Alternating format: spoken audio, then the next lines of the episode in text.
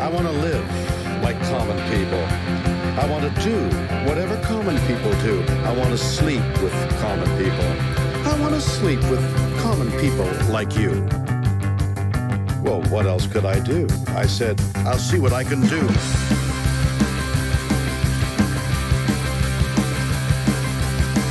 I took her to a supermarket. I don't know why, but I had to start it somewhere. So it started there.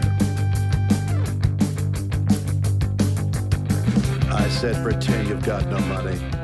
She just laughed and said, oh, you're so funny. I said, yeah? Well, I can't see anyone else smiling in here. Are you sure? You want to live like common people? You want to see whatever Hola. common people see? You want to sleep? Muy buenas tardes y bienvenidos a Obstinatos, un programa que esta semana sigue estando encerradito en casa. Y disculpen el, el delay de mi reacción, pero es que me encanta este tema y lo quería seguir escuchando. Aparte de que el señor Roger no me ha tirado la cortinita por mis cascos y no ¿Qué sabía cortinita? cuándo No tenemos cortinita ya. ¿Ya no tenemos cortinita? Demasiado Roger, la semana pasada teníamos cortinita, Roger. Demasiado Demasiado- demasiados botones y. Demasiados me- botones. me- Vale, vale, vale, vale. Muy bien. Aquí el último en enterarme. Bueno, señores y señores, muy buenas tardes. Eh, vuelve a ser jueves, son las 7 de la tarde en Barcelona, Cataluña, España, Islas Baleares, etc. Pedro Pablo nos dirá qué horas en Colombia. Son las. Es el, el mediodía, las 12 del mediodía. Las 12 del mediodía. Pues muy buenas tardes ah, o muy buenos días, Colombia, mundo. Y muy buenas tardes los que estamos aquí. En una tarde gris, un poco tontita, ideal para estar encerrados en casa y para darle al coco. ¿Con qué le hemos dado al coco esta semana? Pues con algo que nos preocupa un montón, que es qué le pasará a la música después de esta crisis sanitaria del COVID-19. Para ello tenemos nuestros super invitados ah, habituales, ya casi de los confinados, que ya son los habituales. Buenas tardes, Berta Cabañas. Buenas tardes. Muy buenas tardes, Pedro Pablo Polo. Muy buenas tardes. Buenas tardes, Alvalora. Hola. Y buenas tardes, señor Pablo Bustamante. Buenas tardes, Jordi. Al señor Roger Barcelona ya no le presento porque ya ha hablado antes que presentáramos, con lo cual ya sabemos que está aquí. Dicho esto, chicos, ¿qué? ¿Qué le pasa a la música? ¿Qué le va a pasar a la música en, en el futuro? ¿Cómo se plantea la historia? No me preguntéis a mí porque voy a llorar. Yo tengo todos los bolos cancelados hasta el mes de noviembre. O sea que Como mínimo. Si ni siquiera sabemos qué va a ser de nosotros mañana, ahora Exacto. nos ha tocado pensar en qué va a ser de la música. Vaya, vaya. Nos contratará el, el- la mesa de gobierno de Sánchez para rescatar la música. ¿Qué, qué les parece? Que, que, que nos escuchen este programa en el gobierno. imagináis? Qué fuerte. Si damos Yo creo una que- buena idea, pues yo creo que me quedo con, con presentar obstinatos, ¿eh? la verdad. Sí, no, me, no me metería yo en ese fregado. Va y sale mal y nos echan la culpa a nosotros y nos crucifican. ¿sabes? Claro, sí, sí, sí, sí. Ah, por cierto, hoy ah, tenemos un montón de contenido. Ah, hemos estado trabajando bastante en las redes, luego lo veremos. Ah, hay recomendaciones que nos va a traer Alba. Y el señor ah, Pablo ha tenido una charla muy interesante con el señor Joan Sánchez. Cuéntanos un poco, Pablo. Pues mira, justamente pensando en toda la situación de la música hoy y mañana, o sea, lo que es hoy y puede proyectarse a futuro, he querido traeros la voz de, de un músico de, de escena que con su proyecto ha tenido que sortear un estreno en confinamiento además. Como tú dices, Joan, es, eh, Jordi se llama Joan Sánchez, es percusionista del SMUC, compositor y además tengo el, el- el gusto de trabajar con él. Eh, es su proyecto, no sé si se escucha de fondo. Eh, su proyecto nace hace cuatro años en Barcelona, a las sombras de, de- de las jams de flamenco, latin jazz, eh, de, la, de la Maceta, que es un bar de Barcelona, y su música explora pues, sonidos que envuelven el flamenco, los ritmos afrocubanos y el jazz. Bien, este tema que estamos escuchando es Amor No, de no, lo, lo escucharemos después. ¿O quieres que lo escuchemos ahora? Pues yo lo diría, yo diría que lo escuchemos ahora mientras tanto y así Venga. lo vamos.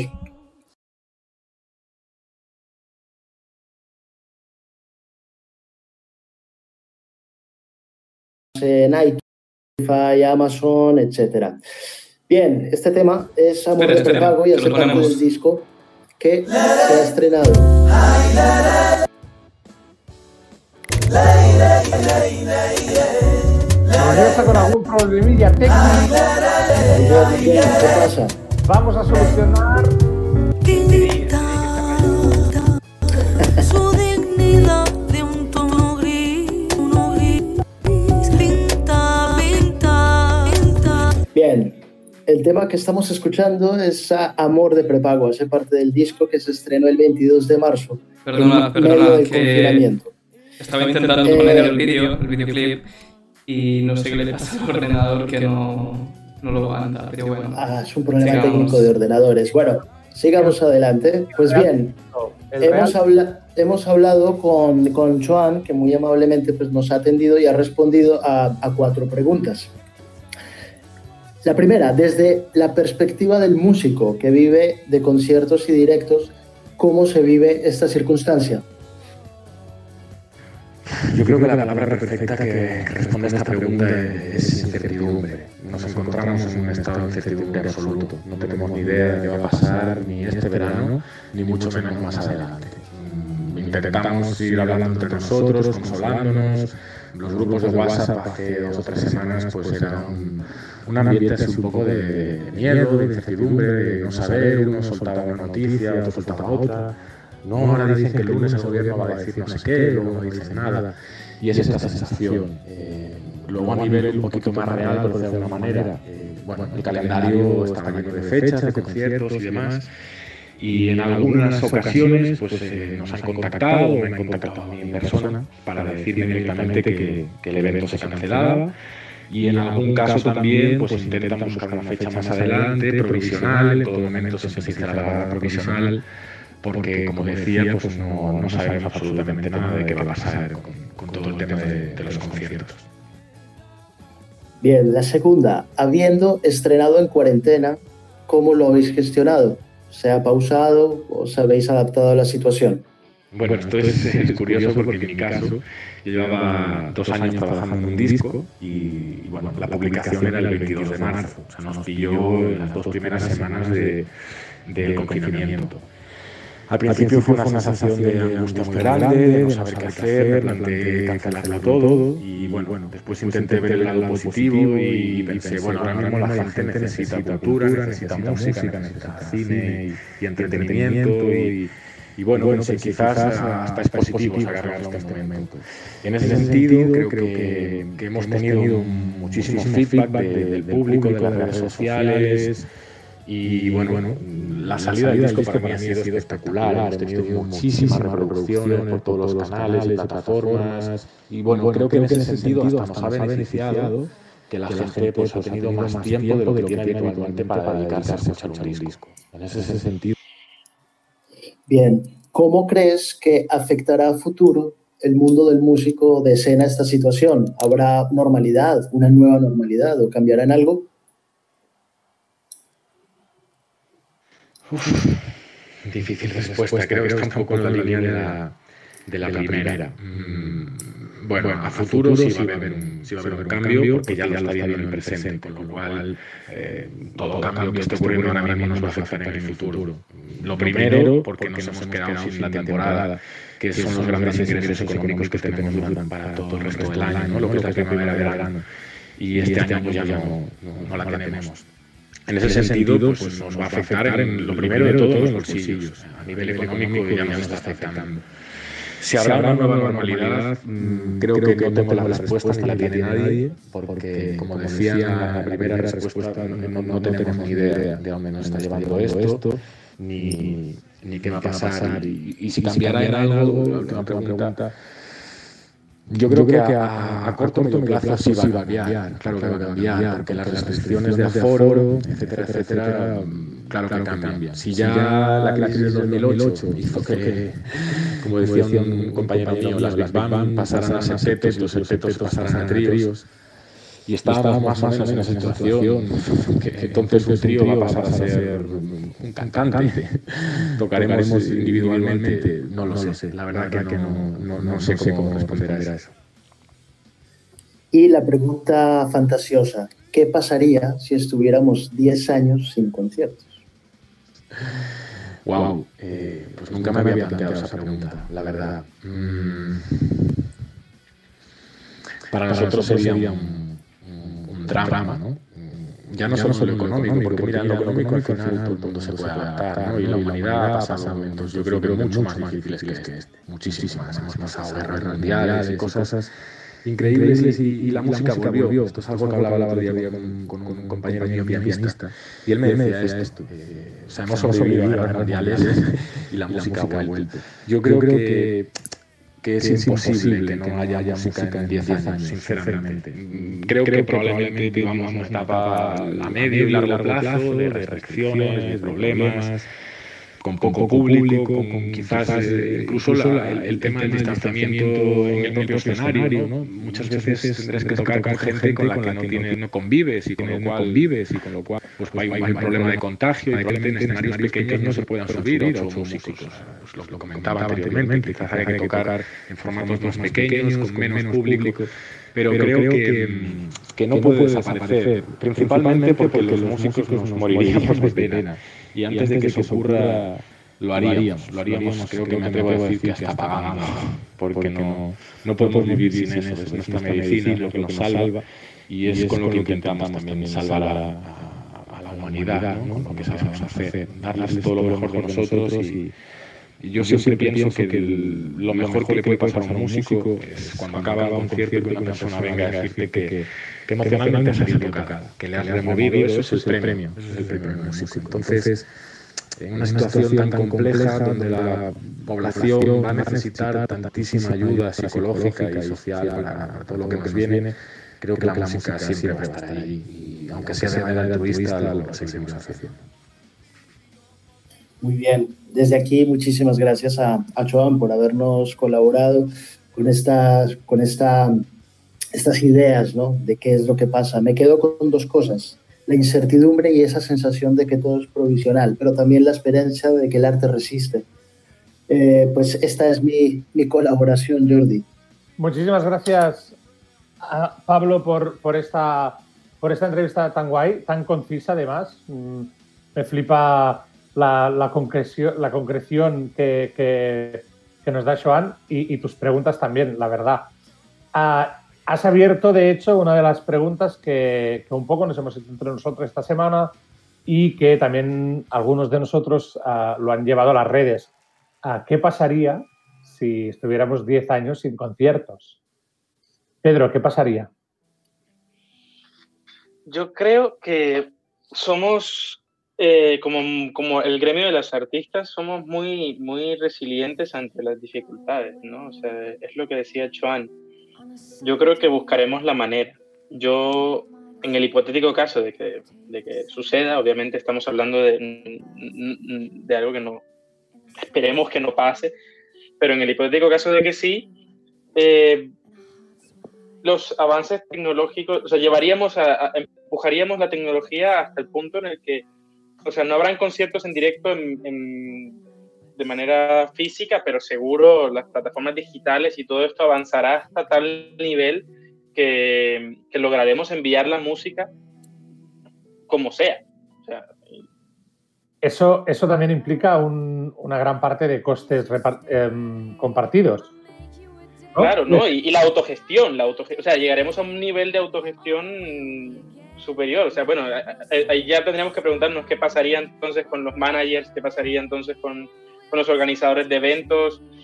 Eh, Con los porque, claro, llegaremos al, sí, el nivel de autogestión. Bueno, a- a- hablando en términos de tecnología, se dice que la tecnología 5G, que es, es- es una realidad, o sea, ya la tecnología 5G existe y haría que, por ejemplo, pudiéramos hacer este streaming con una latencia mínima y que, por ejemplo, podríamos directamente tocar en vivo, o sea, tú estando en tu casa y yo estando en la mía y, y como si estuviéramos al lado, eh, y eso ya te facilitaría, bueno, ya no tendrías por qué tener al músico a, tu lado y podrías hacer conciertos de- en vivo con artistas en lugares diferentes del mundo, o sea que yo creo que abriría la puerta a, la, tecnología. O sea, eh, tendríamos que, que entregarnos eh, ciegamente a la tecnología para poder, para poder sobrevivir y avanzar y naturalmente cobrar, cobrar por hacer este tipo de conciertos. Pues mira, yo creo, Yo- yo creo que, que, eh, tecnológicamente puede ser que nosotros sí estemos preparados para llevar y volcar mucho del contenido artístico hacia las redes, hacia Internet. Pero pensándolo desde un punto de vista más profundo, más filosófico o más eh, humanizante, estamos preparados para dejar de vivir esa comunión que representa el, el- el concierto. En este Yo creo que no. esa Yo es- creo que no. O sea, yo creo que, es, o sea, que la, pregun o sea, la pregunta es, obviamente estaríamos 10 años sin conciertos, yo creo que la gente no se conformaría y que eh, habría conciertos clandestinos segurísimo. O sea, igual que ahora hay raves, pues, o sea, hay raves, pues habría conciertos clandestinos, seguro.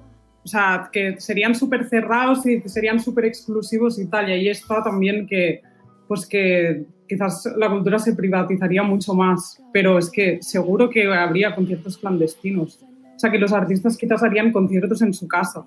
Yo me veo, me perdona Berta, pero es que me veo ahí Tranqui. a Z Tangana haciendo conciertos clandestinos, sí, pero a Josep Carrera. lo veo un poco más fino el tema. Claro, pero aquí, o sea, claro, es que esto salió un día en una conversación de WhatsApp que tenía con unos colegas y decían estos, ¿no? Hostia, vamos a volver a ir de rave otra vez, ¿sabes? Si la cosa sigue así, ¿no? Y, y- y decíamos, o sea, el underground va a ganar en ese, o sea, en esa carrera va a ganar seguro, ¿no? Sí. Porque ya, ya están, ya lo llevan en práctica de normal, esas cosas, de hacer fiestas ilegales, etcétera. Entonces, o sea, yo quizás alguna parte, una parte sí que seguiría o no, no sé. Pero yo creo que se buscarían la vida para hacer conciertos. Mi padre también me dijo, también. se pondrán, se pondrán en cápsulas, o sea, harán como conciertos que la gente estará como en cápsulas, ¿sabes? Es lo que decía también Pablo del momento de tener el co- concierto, mm, de comprar las entradas meses antes, estás esperando esa emoción, estar ahí.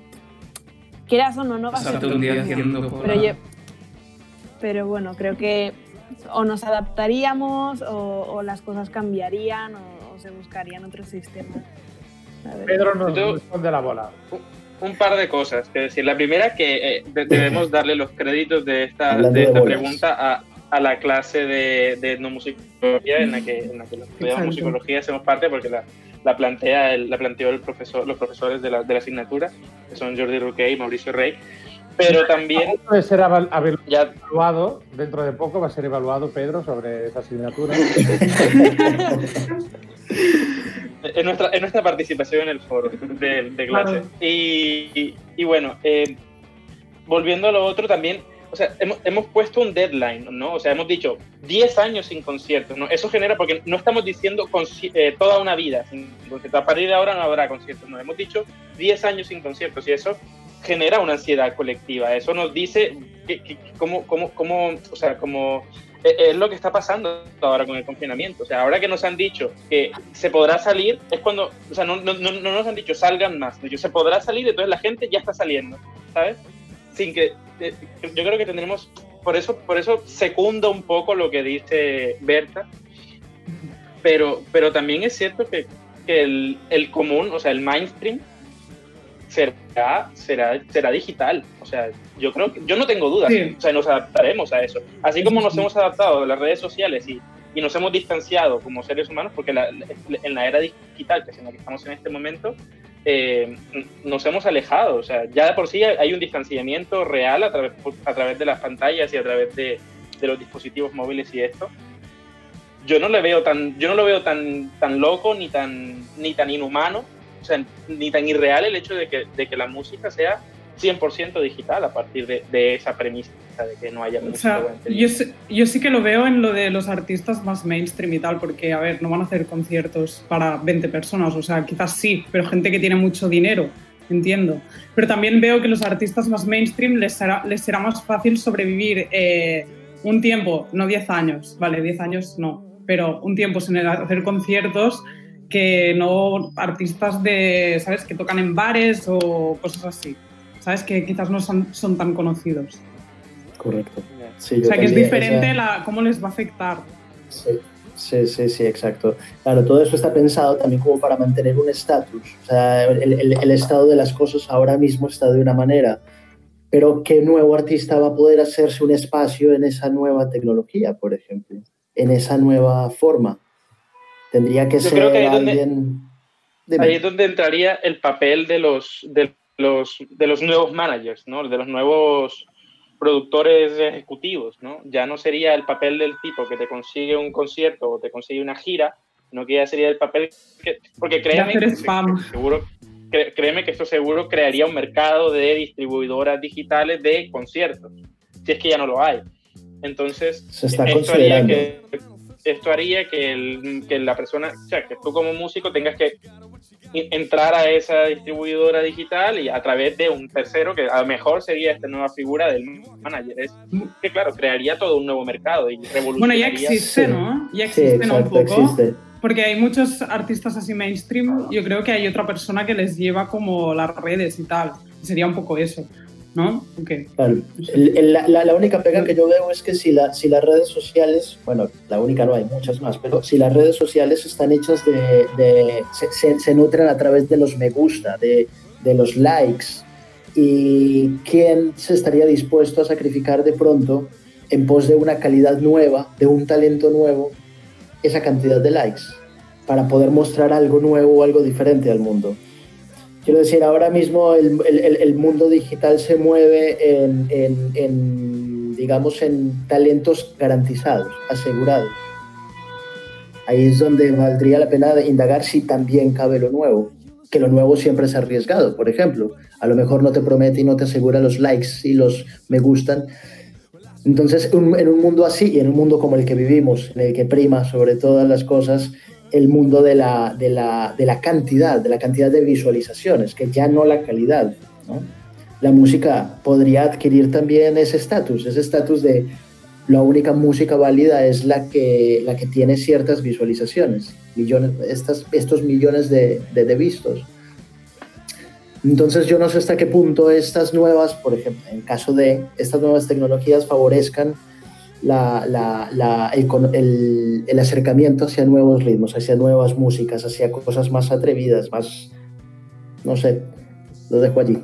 En ese sentido, obviamente no. O sea, todo lo que pase por manos de grandes distribuidoras, todo lo que pase por un circuito que aunque hoy no exista, se vaya a crear ¿no? en el supuesto, saldría ese circuito, saldría con muchísimos millones de dólares y de euros detrás, y con lo cual estaríamos exactamente igual, ¿no? Las redes de distribución serían las mismas, los mejores servidores serían de las empresas de distribución más buenas, que van a decidir qué artistas escuchamos, que van a decidir cómo se introducen estos artistas en, en nuestras redes sociales, ah, etc, etc, etc. O sea, pienso Vamos, que no, no cambiaría demasiadas las cosas entonces. Es que creo que no. O sea, el- los, los que están arriba seguirán arriba porque tendrán el... Absolutamente. Sí, Absolutamente. además, además eh, también hablemos de la brecha de clases, ¿no? O sea, ¿quién tendría acceso a las tecnologías? O sea, sí, en el primer mundo, Europa, Estados Unidos, incluso América Latina y parte de Asia, bueno, vale, pero África, los países o las, o las sociedades más pobres de Latinoamérica ya se- serían completamente sumisos, bueno, si es que ya no lo han sido, ya no lo hemos sido de alguna manera históricamente, eh, ante el, ante el ante el gran mundo del, de los, de los- del primer mundo contra el tercer mundo en el que el segundo no juega nada, ¿no? Bueno, el mundo de la industria musical latina, pues entiéndase reggaetón, eh, Sí, pero este es un mundo controlado por Estados Unidos. Pero, pero muchas otras cosas que reggaetón. Porque ayer también me estaba, estaba mirando una gente que hablaba que, que ahora le llaman a todo reggaetón. Pero hay muchas más cosas de mierda. Pues no sé quién le llama todo reggaetón. claro. O sea, yo escucho a Wagner y no pienso en qué es reggaetón. O sea, digo que todo lo que viene de América Latina ahora se le llama todo Sí, reggaetón, sí. porque en verdad hay mucha variedad. Berta, la Ah. de la música Yo- urbana. Te vamos yo- a hacer una Música capa. urbana, eso es, ese es el término. Yo, qui- yo quisiera decir también que, que, bueno, yo me, me atreví o nos atrevimos a hacer, hacer esta pregunta en redes sociales, ¿no? En, en las cuentas de Instagram. Y yo recibí unas cuantas, unas cuantas respuestas, eh, algunas más poéticas que otras, otras más abiertas.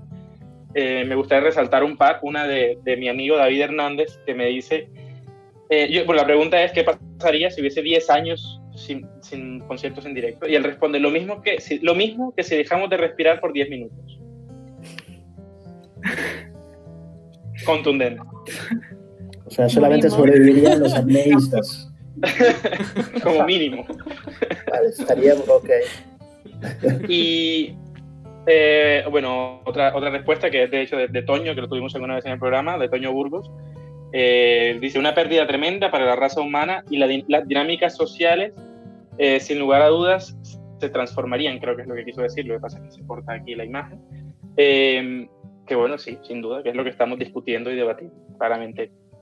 Pero, pero claro, él lo ve como una pérdida. Yo, honestamente, en una situación, voy a decir aquí, me voy a meter las manos al fuego, voy a ser, voy a ser un poco eh, polémico, pero si la condición fuera en que no podemos hacer conciertos en vivo por nuestra propia salud, salud y nuestra propia seguridad, eh, yo me rendiría 100% a la, a la, a la tecnología. ¿eh?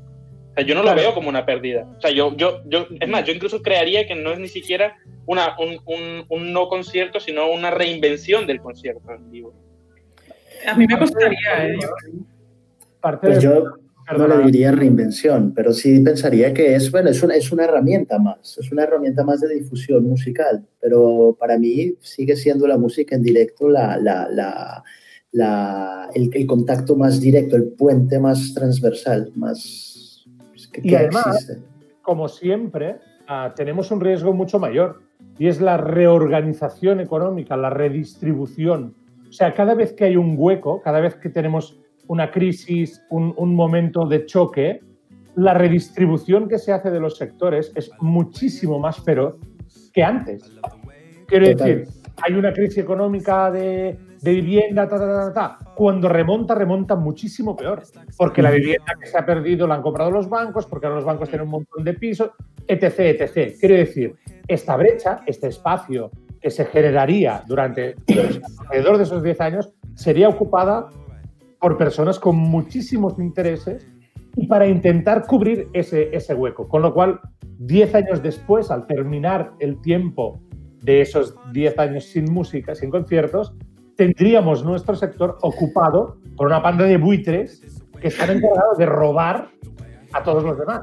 Totalmente de acuerdo, totalmente de acuerdo con Jordi. Y además yo añadiría algo que no sé si dará pie para una discusión más adelante, pero eh, de- en la música en directo, la música que nosotros vamos a un concierto, pagamos la boleta, eh, la entrada, vamos, está diseñado con una producción, con una cantidad de, de- de- de estructuras no visibles que si esto desaparece habrán muchas personas que la pasarán mal. Es decir, hay trabajos invisibilizados, técnicos de sonido, iluminación, que ya hablaremos de eso, que también hacen parte del conjunto del espectáculo de la música Pero- en directo. pero ese trabajo se transformará, o sea, como todo. Es que es- en, en este, en este sentido entraríamos en, en la, en, la, en la discusión del, del progreso, ¿no? Con todas las comillas que el progreso tiene, porque yo estoy de acuerdo con lo que ustedes dicen, pero, pero ese trabajo se transformará. Peligro, o sea, no- viene el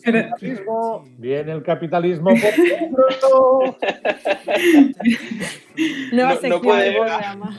No podemos pensar que porque, que porque unos trabajos se perderían, el, el avance tecnológico no llegará. O sea, No, pero es que no, se pierdan, es que no están ni considerados ahora mismo. Exactamente, exact- eh, eh, eso es, eso es Alba. No sé si tú lo quieres explicar mejor, porque No, bueno, o sea, es lo que tú has dicho un poco, que ahora, por ejemplo, como lo de las ayudas que han salido como para ayudar a los artistas que no están haciendo conciertos o lo que sea, y, pero no se, ha, no se ha considerado a la gente que hay detrás de esos conciertos, o sea, los técnicos y toda la gente que tú has dicho, no se les ha considera- considerado como parte de, de- del artista, digamos, de, de. Claro, y desde antes, o sea, desde antes de esta crisis, de hecho ya que también lo, lo, lo, lo hablábamos ayer con, con Joan cuando, cuando, eh, cuando enfrentábamos esta, esta cuestión en particular, y es hasta qué punto eh, eh, han vivido en, en, en esa invisibilidad, invisibilidad. O sea, nadie, nos, nadie los ha visto hasta ahora.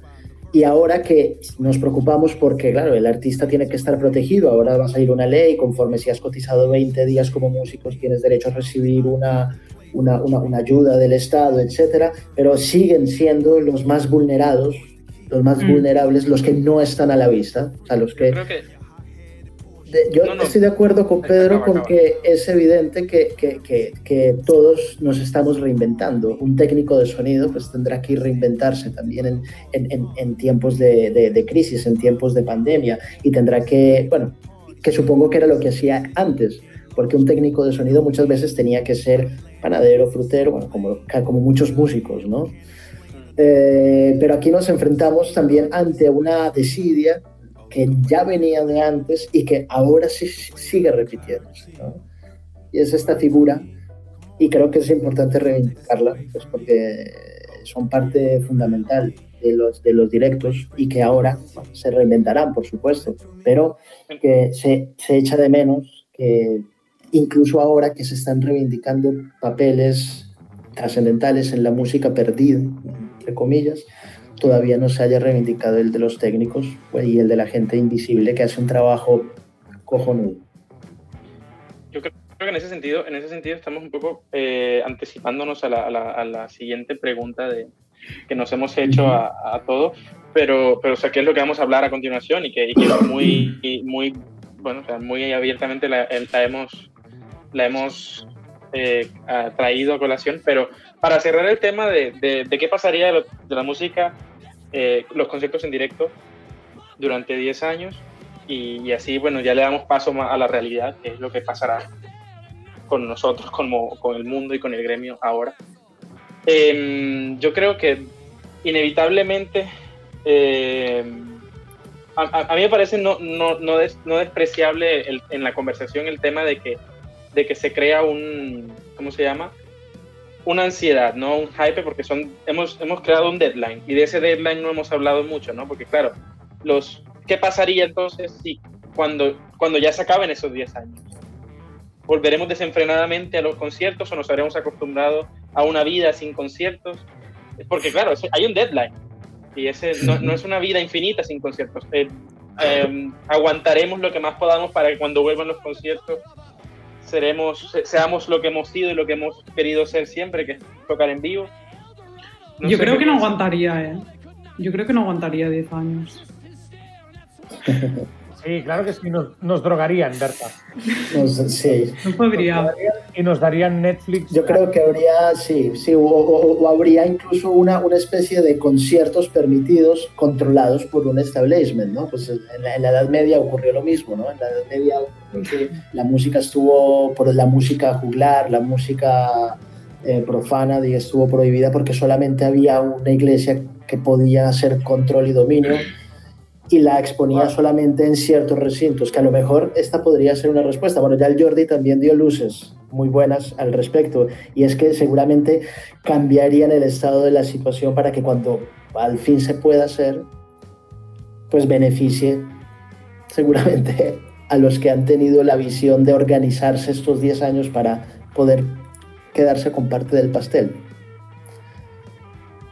Sin duda confiar que, en que los malos siempre están ahí y van a robar todo lo que puedan. Oh, yeah. Obstinatos apocalípticos. Consejo de la semana. dicho, dicho, esto, uh, estábamos antes uh, justamente encarando ya esa, esa parte o esa temática que, que, también nos trae bastante, bastante pregunta hoy y es el tema, mm, eso, siguiente, ¿qué pasa con todos aquellos que no son músicos, pero viven de la música. ¿Qué pasa con todas esas personas que no estamos viendo, que están detrás de pantallas, de ordenadores, de cables, de cajas, de camiones que hay que descargar, uh, que están exactamente igual de afectados que los músicos, pero que en cambio no tienen cara, no tienen rostro, no tienen una profesión reconocida. Claro, yo lo que dices tú ahora de decir, vale, yo creo que hoy en día la gente todavía no es consciente del trabajo que hay detrás de un concierto. La gente a veces dice, jolín, 50 euros de entrada, 60 euros, pero el dinero también va distribuido por toda la gente que está trabajando detrás, por iluminación, solo para ver los artistas, por audio para poderlos escuchar. Hay muchísimo trabajo detrás y creo que no se tiene en consideración hoy en día Cámaras. y mucha gente, sí, todo. Bueno, y una, una cosa muy, muy tonta, ¿eh? pero cuando, cuando yo era adolescente tenía un colega que trabajaba de Hace muchísimos años, ¿no? Sí, sí, sí. La rueda, la rueda. Pero eso, tenía un colega que, que trabajaba de jumper. Y un de, ¿qué es jumper? Y dice, pues un jumper es el pringado que está a las 6 de la mañana cuando termina un concierto desmontando y plegando cables así con los brazos como un loco. Y ala, cuando termina el concierto tú te pones a desmontar, desmontas todo el escenario y lo cargas en un camión y para ir al siguiente pueblo. Esas personas aún están ahí, aún existen. Claro. Están ahí, ¿no? Y esas personas tampoco trabajan. De hecho, ah, en mi caso concreto, la primera, la primera noticia de una cancelación que tuve por, por cuestiones del coronavirus no fue musical, no era de nuestro espectáculo, era del técnico que tenía en esas semanas ah, siguientes ah, el Mobile World Congress. Ahí ya le empezaron a caer ah, bolos, le empezaron a caer trabajos, y en ese momento pensamos, bueno, no pasará nada, eso el año que viene o dentro de unos meses ya tal. En menos de un mes, un mes y medio, estábamos todos en la misma situación que había estado ese técnico hacía dos semanas antes. Y es, es increíble la cantidad de conexiones que hay. Y que quizás la gente, o sea, la gente que no, que no hace música no se da cuenta de lo importante que es un técnico también. Pero que es eso, que es muy importante. Que yo me acuerdo que, no me acuerdo qué profesor fue, pero tuve un profesor que me dijo, siempre me decía, lo, me- lo más importante cuando llegues a un concierto es que te lleves súper bien con el técnico. Con el, con Porque el técnico, él va a hacer que tú suenes bien. O sea, si no te llevas Exacto. bien con el técnico, la has cagado. sí. Esos O sea, músicos que- que, se, que- que se hacen que- enemigos de los técnicos, yo creo que es como, quien, es, como que, es como que pelearte con quien te da de comer. O sea, Exacto. Tal cual. Dicho eso, Albita, Lora, nos traes cosas. Os traigo cosas, semana. sí, sí. Guay. Os traigo, os traigo. Cuéntanos. Vale, venga. Hacemos como una parrillita y os cuento qué va a pasar este fin de semana por las redes sociales. Vale. Um, en Instagram, uh, la cuenta que os comenté la semana pasada de Yo me quedo en casa festival, ahora cada fin de semana, bueno, un poco antes, cuelga una serie de conciertos que si entráis en la página seguramente entre hoy y mañana los pondrán qué conciertos hacen este fin de semana. Um, hoy a las ocho y media Alejandro Sanz hace directo por Instagram también, donde ha dicho que hay muchas sorpresas y invitados. No hace falta mirarlo, puedes ver obstinatos y si no, y cuando se termine ponerte un programa anterior de la temporada pasada. también, también. por favor. Y Ah, luego puro también. Amor, puro amor hacia Alejandro Sanz y Jordi. Bueno, es que desde eso de que bajaré la luna, no, ya no. Yo me quedé ahí y ya lo repudié. No te llegaste ni al corazón partido, ¿no? Exacto, Sí. nada.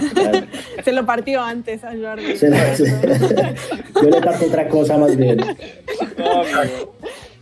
Y por ejemplo, eh, Snarky Papi, que si no sabéis quiénes son, es un grupo de jazz fusión instrumental de Nueva York.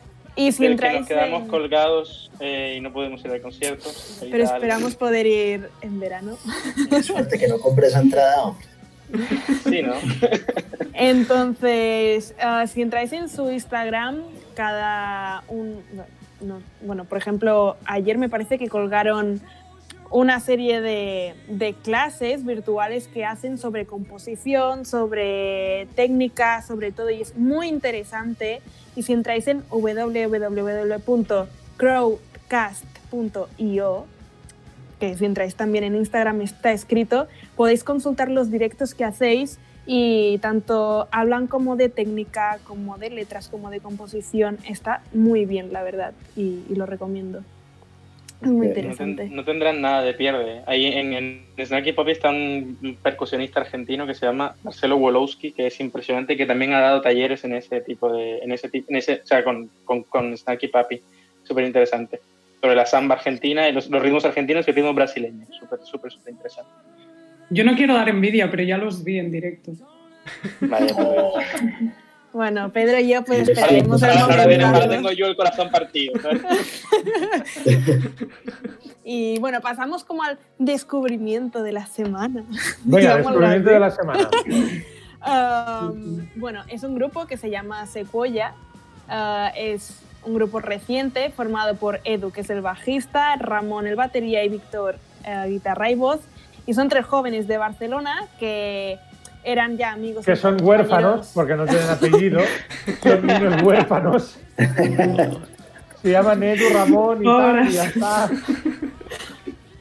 Y, y bueno, son amigos y compañeros de escenario de pues lo típico de ir al pueblo a tocar, de bodas, pero bueno, que han llegado a actuar en plazas y calles de Francia e Italia también.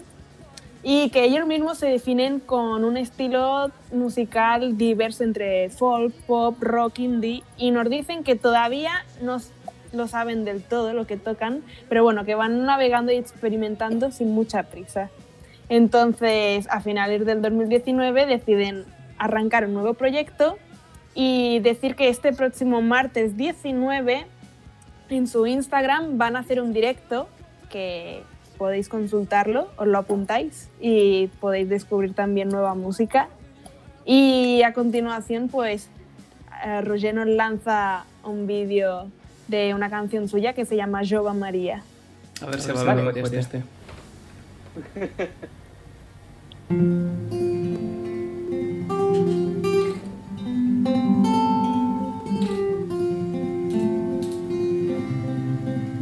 Jove Maria d'un poble d'interior. Ets massa petita per viure en dies on hi ha tanta pols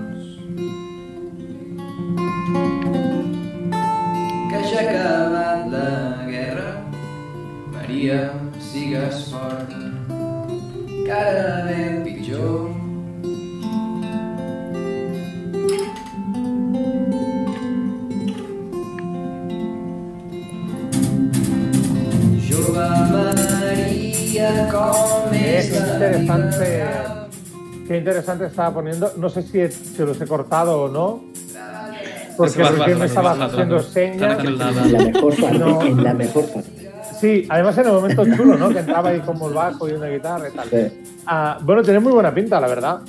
Tiene muy buena pinta. De acuerdo. Con lo cual, ahí queda Y- nuestra y veo que tocan, propuesta. tocan, la, tocan, la, tocan la, la guitarra con, con, con, baque- con baquetas. O sea, la percusión es una guitarra. Qué, qué interesante. ¿Cómo? Sí, sí. Sí, Ahora es chicos, cuando tocando Pedro la descubre- guitarra por detrás con escobillas. Pedro Sí, sí. Claro, descubre. que al- hay una parte de la guitarra que es básicamente un tambor. Básicamente. Descubre a los oyentes, Pedro decía que tenemos una latencia bastante importante No, que va. y vemos las cosas con un tengo- poco de retraso. Yo, eh, aquí, estas son gafas inteligentes. Es que yo ya me vencí a la tecnología y ya tengo una visión de lo que estamos haciendo ya, tú ya estás en 5G, tú solo. Yo ya estoy entregado, vendido. ya estás la 10 años más adelante. 20. Ya yo, ya yo volví a los conciertos en directo. Tú ya, tú ya eres streaming en el futuro. Sí, sí. Bueno, y también ah, ha surgido un proyecto que se llama Nits de Ciutat y creo que uno de nuestros colaboradores, que es Berta, nos lo podrá explicar mucho mejor ya que ha participado en él. Epa, epa, epa, a ver, aquí. Oye, oye, oye, oye. No es trap. Tengo que decir que no es Algo, trap. algo en lo que, algo en lo que no somos expertos en asesinatos, ¿no? Aquí en hacernos autobombo. Nunca habíamos visto autobombo ni con Pedro ni conmigo. Que Nada, va, va. cero. Nada. Nada, nada. ¿Qué va? Berta, va, cuéntame. Bueno, pues esto es un proyecto de Martín Navarro y Artur Suriñac, que, bueno, se ve que tenían unas bases, entonces nos dijeron a algunos, nos mandaron como alguna frase o como que improvisáramos encima de una base, pero no sin más, o sea, a mí no me dijo nada, a mí, a habló Martí, que es un colega del taller, y, y nada, entonces eh, yo grabé unas cosas, se las mandé y al cabo de, no sé, dos días o tres, sacaron el EP, que es este que se llama eh, Nits de Ciutat. Entonces, eh, como yo, había más personas, ha colaborado más gente, que no lo sabíamos que estábamos colaborando en esto y ha sido una sorpresa bastante chula. Y ha colaborado, por ejemplo, eh, Llorenç Colomar, Pau Cardona, eh, ¿quién más? Guillem Soler, Marc Urrutia, Elena Vantula, Rafael Cuesta y Marc Sastra y Guillem Durante. Y son cinco temas. Están en YouTube. Si queréis, Roger, si quieres ponerlo. Venga. Venga.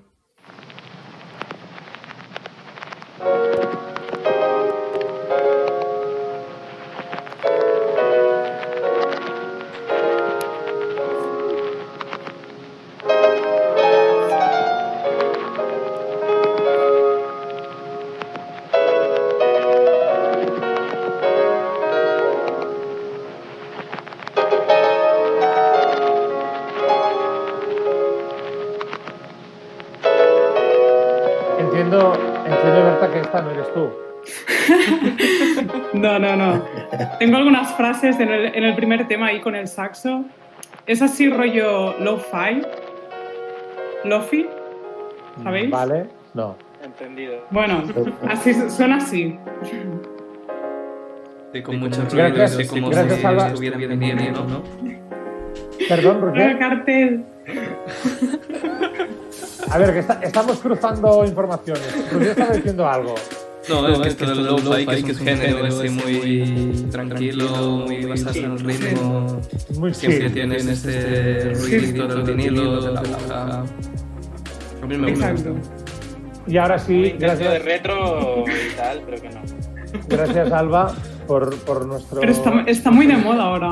Hay que promocionar. Sí. Nos tenéis que seguir en todas las redes sociales. arroba obstinatos, arroba OAB Radio. No os olvidéis de seguirnos en Instagram, en Twitter, Facebook, todo. Que colgamos mucho contenido divertido. Ahora, Y ahora y cada jueves en vivo estaremos También. haciendo lo que estamos haciendo. Roger va a cortar esa frasecita y la va a poner sin parar en loop en todas las redes. constantemente. Pero no me, no me quiero despistar, porque mm, Berta. ah, a ver, cuen- acaba de contar esto, es que no lo he pillado. No, Tú estabas, ¿cómo que no lo tú estabas un día tranquila en tu casa ahí escuchando tu trap y tu reggaetón todo el rato ahí. Soy una tía urbana, no sé Pero qué. No, ahora, ahora, me ha- ahora ya lo sabes que me ha dado por el R&B. Ahora es R&B Es todo verdad. el día. Vale, pero, Pero- con- tú estabas ahí con tus movidas ah, urbanas en tu casa, que eso también es una putada, ¿eh? Que te mole lo urbano y estar encerrado en tu casa es un rollo. Nada bueno. de vida de calle, se acabó. Claro, Eh, tienes que perrear y vacilarle a tu madre. Por eso. no, en casa. Oye, eh, les ¿Qué puedo pasa, dar el bro? espectáculo aquí a los vecinos, Claro. bailando. Muy bien, muy bien. A ver, entonces tú estás en tu casa con tus movidas y te lleva, te llega que un WhatsApp, un mail y te dice, Entonces, no. Mar- Martí me manda un WhatsApp con una base y me dice, me manda una frase también y me dice, ¿puedes tocarte esta frase encima de esta base con el saxo? Y aparte, improvisa si quieres un poco y pues si hay alguna frase que me mola o algo, pues la voy a usar. Y yo le dije, ¿pero para qué es? No te lo puedo decir, no sé qué, ta, ta, ta, ta, ta. Entonces, esto cuando al final me lo dijo, que yo estaba insistiendo cada día porque quería saberlo, él lo sabe que fui un poco plasta. Porque te, creía que era para una base de Rosalía, en secreto. Dice, calla, esto me ha dado una de Rosalía y no me los quiere decir. Qué bueno. Bueno, pues a- cuando salió, pues bueno, no sé, fue estuvo muy bien, me hizo mucha ilusión, ¿no? Porque, no sé, está muy guay realmente, si lo escucháis está muy chulo. Sí, No sí, sé. Y aparte que a mí los me gusta mucho ¿no? también. Nos quedamos con las ganas de escuchar la parte exacta del saxofón, de verdad. ¿Es esto? Sí, sí, vemos ahí Bueno. un poco de modestia. Ya lo, es- ya lo escucharéis. Podríamos haber cortado un Ya, momento. ya lo justo. escucharéis. Exacto. No, a ver, que hago nada. Antes de que os hagan pagar para venir a mis conciertos online. ¿vale? Ya, ya. Ojalá. Sí, ya. Ojalá. Muy underground, muy underground, pero cuando se trata de, de uno ya ahí sí, ¿no? Nada de underground. Claro, claro. A ver, a ver, a ver. Que urbano no significa tirado tampoco, ¿eh? Que hacer Exacto. trap también cuesta lo suyo. Exacto. Total. Guay, pues, pues aplaudimos, aplaudimos esta iniciativa, que mola un montón. Ah, ya os digo que si alguien me manda un WhatsApp a mí diciéndome, oye, puedes hacer no sé qué así en modo secreto, mm, va a ser que no. ¿eh? O me cuentas las cosas o nada, porque todo me suena todo me suena a peli de terror, porque te mando WhatsApp hoy y mañana te mando otro y al final acabas muerto. O sea que no. Desconfiar. Desconfiar, por favor, músicos, que esto. Obstinatos apocalípticos 2.0 aquí, oye. Estamos on fire. Sí, sí, sí, sí. Y eso que no estoy Y quiero, quiero, mandarle un beso al Martí. Sí, y Martí. Un beso al Martín. Obstinatos os manda un abrazo, Berta un beso. Y, y nada, no, eso que, que muy, muy interesante. ¿Qué más? Se ha acabado mi WhatsApp. Bueno, y luego creo que también Pedro nos traía dos mini descubrimientos. Bueno, mini no, pero dos pequeñas aportaciones que Eh, también pueden ser interesantes. bueno, no, no eh, pueden serlo. Adiós. No, no, sí, sí, adiós, me voy. No, a ver, que a mí esta cuarentena se me ha dado por, por yo creo que como a muchos de nosotros, eh, por escuchar nueva, música, ¿no? Ha sido más, más fácil en- entrar a nueva música. Y, y- lo que, y lo que he querido hacer básicamente es escuchar música de artistas que me gustan mucho, pero que, de los que no, no conozco toda su discografía o, o me, me interesa un álbum que nunca, del que solamente conozco una canción o así. Y me he puesto a escuchar esos álbumes. Y, por ejemplo, me pasó con, con, el, con el disco One Quiet Night de Pat Metheny, es un disco eh, grabado con guitarra acústica prácticamente. Eh, precioso, un disco del 2003, 2004, si no estoy mal. Increíble, eh, que lo recomiendo mucho, vayan a, a por él, sobre todo, bueno, para, para músicos, eh, armonías muy lindas, muy, muy, muy bonitas, pero muy elaboradas. Y para no músicos, música de ambiente muy chill, muy tranquila, como para, no sé, días como el de hoy o noches en los que te quieras tomar un vinito, comer Pedro, bien. dilo, dilo, dilo, música para sexo, que lo estás proyectando con la mirada. No, no, es más, es más del chill, es más del chill, no es tan, no es tan, no tiene, no tiene el sonido del saxo. No Para tiene- que no mañana. Y, y, la otro, y lo otro es que, bueno, vivo con un, con, con un chico que se llama Eric, que, que el tío también escucha muy buena música y, y que a cada rato está poniendo cosas. Eh, y me, me mostró un, un artista que aparentemente es muy conocido y yo me había enterado que se llama Tom Misch, que también es de esa onda lo-fi, que toca guitarra, hace medio jazz, Me eh, más modernete, pero más cercano al pop. Es- está súper bien, toca, eh, guitarrista y, y canta. Y es un tío creo que de Londres. Y hace música súper interesante que también lo recomiendo mucho. Y bueno, no sé si no ¿Cómo se llama? ¿Puedes repetir Tom, su nombre, por favor? Tom Misch. Misch, M-I-S-S-H. Pedro, a mí me encanta Tom Misch. Y tiene una hermana que toca el saxo. ¿Lo sabes? Tiene una hermana no. que toca el saxo y está muy guay también. No, y además es, es como también de esta nueva ola de artistas que se, que se colaboran todos entre todos y hacen un montón de cosas Mm. con un montón de gente, súper interesante también. Que, que bueno, tú vas por ahí, vas tirando de ese hilo y te vas encontrando con un montón de cosas súper. Es, de- es de ese tipo de artistas que tú pones como aleatorio en Spotify y te lleva a un montón de. a un, un universo maravilloso de posibilidades. Interesante. ¿Lo estamos escuchando o me parecía que lo Sí, sí, sí, escuchar? sí, o no? sí. Estaba aquí jugando con el Spotify. Mira, mira. A ver. O a escuchar más bien. You can't take this away from me. The way I hear the melody, the way it's bringing clarity, running through me. You can't take this away from me. Oh, the way I hear the melody. Yes. Muy bien. Esto de fondo en una playa con dos cervecitas fresquitas. Eso anuncio lo veo. Después de haber reservado, después de haber reservado la playa, porque ahora tenemos que reservar para ir a la playa. Tendremos que Bueno. coger ticket. Muy bien, tú fase estás en 1. fase 1. Claro. exacto. Tú estás en fase 1, tú puedes Aquí, aquí hacerlo. restregándonos a los pobres. Tal Los, cual. los, los fase 0, eh, no. Ni Vamos los- jodidos. Ni, ni ima- ni Yo no sé si hacer veremos eso. la fase 1, ¿eh? yo, yo todavía me lo cuestiono. Sí, sí. Ya. Algún Yo día jugué una porra y yo la porra puse el lunes que viene, pero creo que la voy a perder. No, no sé. Al menos para Barcelona no. Estaba a punto de, a punto de ganar, estaba ya. Sí, a puntito. no, no. A tiro de piedra a la cabeza de Pedro Sánchez.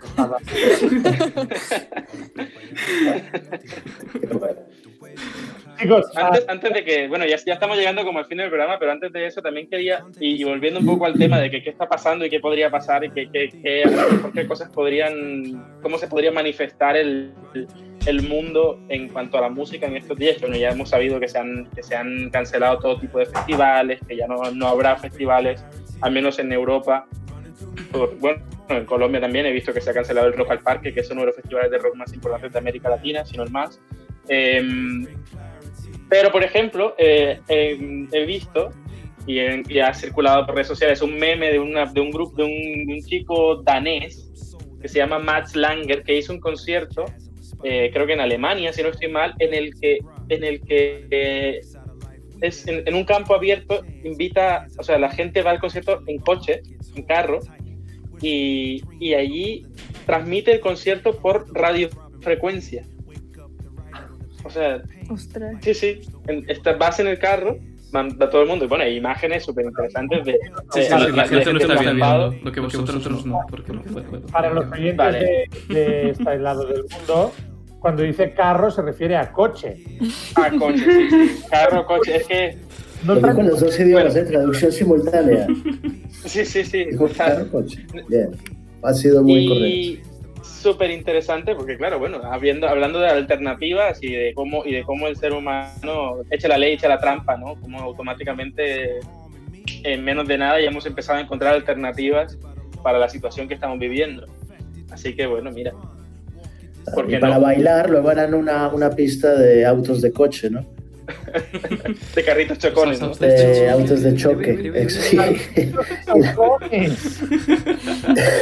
Oye, y la, la, la- bueno, antiguamente ocurría así, en, lo- en los cines, antiguamente en, esta- en los Estados Claro. Unidos, que eh, entraban en, en parking y cada uno tenía a su disposición una especie de parlante que ponía dentro del coche y a través de, de, de- de- de ese parlante le llegaba el audio de la película. Que sí es interesante, pues, que nos hemos dado cuenta que hay muchas de las cosas que vemos como futuristas, pero que en realidad hacen más parte del pasado. Ayer estaba pasado que escuchando- de ahora. Sí, estaba escuchando, sin ir más lejos, que la mejor, el, el mejor medio de transporte para estos tiempos es sin duda la bicicleta. Porque viajas tú solo, no hay riesgo, es ecológico, no contaminas eh, y es de fácil uso porque la puedes guardar, la puedes atar, en fin. Que Pero te la muchas veces miramos el futuro buscando cosas y no. Hay que mirar para atrás. Mirar al pasado, mirar al pasado, mirar qué ropa llevabais ayer y volverosla a poner, porque no está tan... Las, modas vuelven, las modas vuelven, eso está claro, siempre. Exacto. Voy, voy, a Es esperar a ver a todo. Berta, voy a esperar a ver a Berta que se ponga para el programa que viene unos pantalones acampanados de esos de Black Sabbath, ¿no? Bueno, estamos No, volviendo pero- a escuchar a los Backstreet Boys y a, y a, y a esta gente. Así que. Así estamos. Sí. Pero, no, pero eso es verdad, si ahora tú nos quedamos en esta moda y, de avanzar, avanzar, avanzar, a algún- en algún momento volveríamos a estar en la moda otra vez. Dentro de esos 10 Sí. años, ¿no? los 10 años sin concierto, Claro. podemos quedar sin cambiar de, de ropa. Pues Y que es, muy- es que ¿no? Todo, que todo pueda. Yo sí, que hay una moda ya de-. Hay una moda de ir para conciertos, lo divertido que es también arreglarte para ir a un concierto y todo. Totalmente. O ir a un festival. Es muy hecho, divertido. Todo, las, redes sociales, presumirlo en Instagram, decir, mira, guau, voy a a- igual. en América Latina, por No, no, ejemplo, pero ir a, hace ir a- ir parte a del bailar ritual de- salsa. Sí, también sí. Sí, sí. El, el- ¿Qué, qué pasará con Cali? imagínate, sin la feria de Cali. Que el- que ¿Qué es pasará un, mundo sin feria de Cali. Dios santo. No, no, Nada de localizaciones, por favor. No ser, no ser Sí, Cali local. es la capital mundial. Ca- Cali es la capital mundial de la salsa. ¿eh? Si no sabéis dónde está Cali, chicos, eso ya es, eso ya es culpa vuestra. Eso ya- Somos un programa eso ya- universal, pluri- pluri- pluricontinental y no se puede focalizar. Ah, dicho eso, chicos, estamos a un minutito y poco de terminar. Ah, es el momento de daros las gracias por estar en vuestras casas, pero conectados con todos nosotros y deciros que esta semana Pedro ha cogido la baja de guitarrista, con lo cual no nos va a tocar ni nada, porque está esperando que, que Sony le pague para sus streamings a través de sus datos, mientras dice que ya no hace más música. Ah, En 10 años. Exacto. Volvemos la semana que viene con con más cositas, más cosas en las redes, más sonrisas, más ganas de reír, algunas que otra pregunta inter- interesante y nosotros mismos. Muchas gracias a Pablo Bustamante, Encantadísimo de compartir con vosotros. muchas gracias Pedro Pablo, Polo, Hasta la próxima. Alba Lora, muchísimas gracias. Gracias, gracias. Berta de Cabañas, muchas gracias también por estar aquí. Muchas gracias a todos. Y Roger Barcelona, muchísimas gracias por aguantar este programa con las super dificultades técnicas que supone y defenderlo y estar. Total, gracias Roger. Chicos, un saludo enorme y hasta la semana que viene.